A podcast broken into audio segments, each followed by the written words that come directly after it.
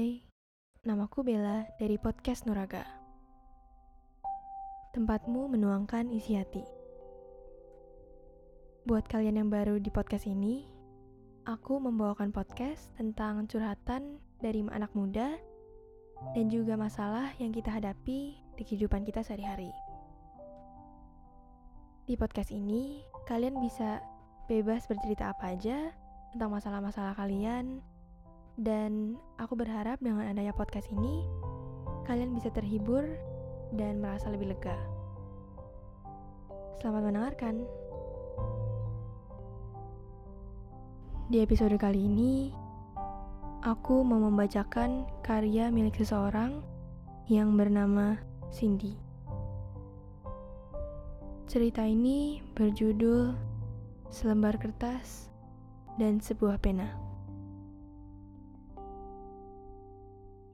Jika bumi tak terpisahkan dengan bulan, dan bintang jatuh tak terpisahkan dengan harapan, maka kertas tak akan terpisah dengan pena juga.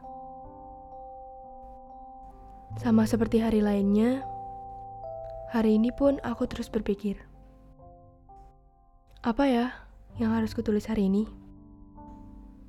Dia pasti menunggu-nunggu, pikirku. Saat aku tahu apa yang ingin kutuliskan, dengan segera aku ambil selembar kertas dan sebuah pena.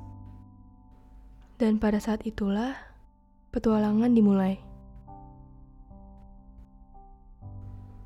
Ku awali dengan sebuah sapaan singkat. Menanyai bagaimana kabarnya, makanan apa yang ia santap, dan cita-cita apa yang ia inginkan hari ini. Orang itu memang konyol. Di satu hari, ia ingin menjadi pendaki gunung supaya ia bisa melihat kembali betapa indahnya langit-langit biru. Di hari lain, ia ingin menjadi seorang penyelam dan mencari harta karun yang bernilai tinggi. Dan hari ini, mungkin ia ingin menjadi seorang tentara Senyuman cerianya yang selalu menyapa siapa pun dengan hangat muncul di benakku. Dan berhasil membuatku tersenyum tipis. Kata demi kata yang kutulis dengan hati-hati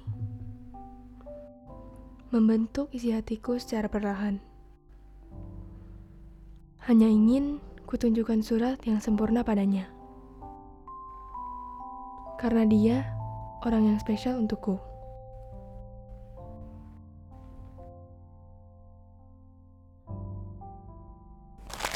Uh, salah mulu. Yang keberapa nih? Aku mengeluh sembari membuang kertas yang kupegang dan meratapi nasib bola-bola kertas yang tergeletak di lantai.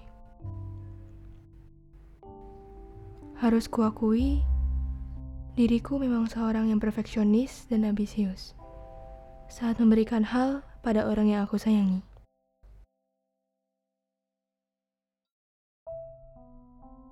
Singkat cerita, aku telah selesai merangkai kata-kata untuk menyemangati dan menghiburnya.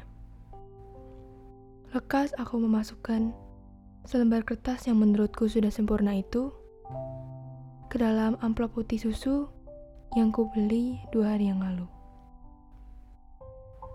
Sambil mengenakan sepatu, aku memasukkan sepucuk surat itu ke dalam tasku dan bersiap untuk melangkah pergi.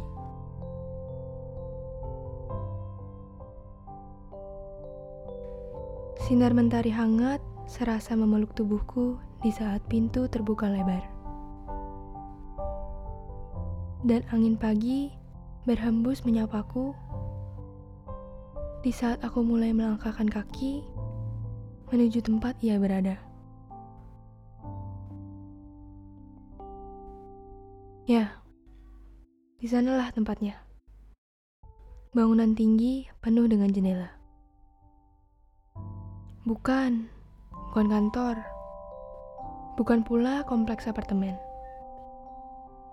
Melainkan sebuah tempat yang menyerupai penjara Kau tahu itu apa? Rumah sakit. Kulangkahkan kaki ke dalam salah satu ruangan beraroma obat itu. Aku melihat sosok tubuh seseorang yang berambut putih. Dan seketika aku mengenalinya. Terkadang aku begitu sedih melihatnya.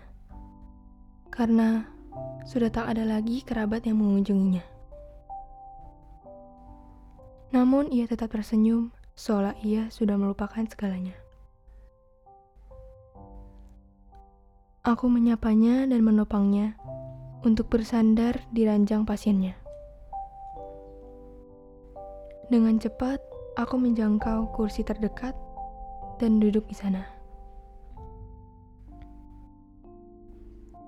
Ditemani bunyi jam dinding di antara kami, aku mengeluarkan surat yang ada di dalam tasku dan berkata,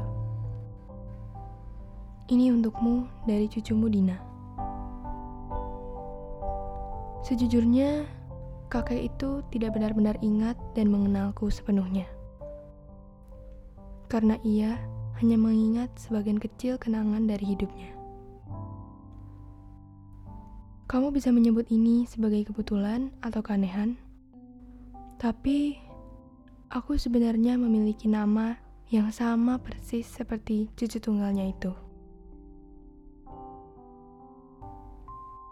Kali pertama kita bertemu, di saat aku menyebutkan namaku,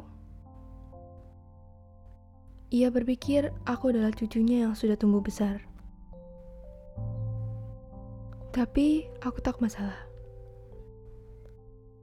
Karena itu semakin membuatku sayang padanya dan ingin terus menulis surat untuknya. Ia sering kali menceritakan kisah-kisahnya dan aku selalu mencoba untuk memahami kata-katanya sambil menahan air mataku mengalir. Tak terasa, pagi sudah berganti menjadi senja, dan aku telah menemaninya selama berjam-jam lamanya.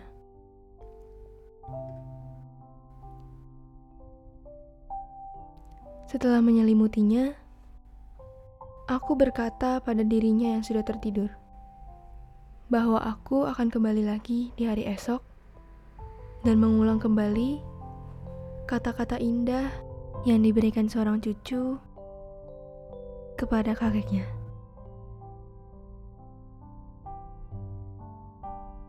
Itu dia cerita yang diberikan dari Cindy, dan terima kasih sudah memberikan cerita kamu untuk aku bacakan.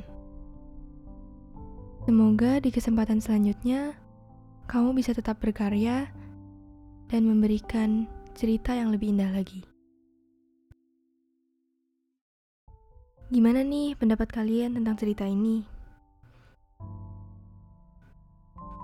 Menurut aku, cerita ini sangat heartwarming dan membuat kita penasaran. Sebenarnya siapa sih orang yang dia maksud? Buat kalian yang mau memberikan curhatan kalian, kalian bisa kirimin ke email nuraga.kita@gmail.com. Dan jangan lupa follow sosial media dari podcast Nuraga. Buat Instagramnya nuraga.kita dan Twitter di podcast Nuraga. Salam dari aku, Bella. Semoga harimu menyenangkan.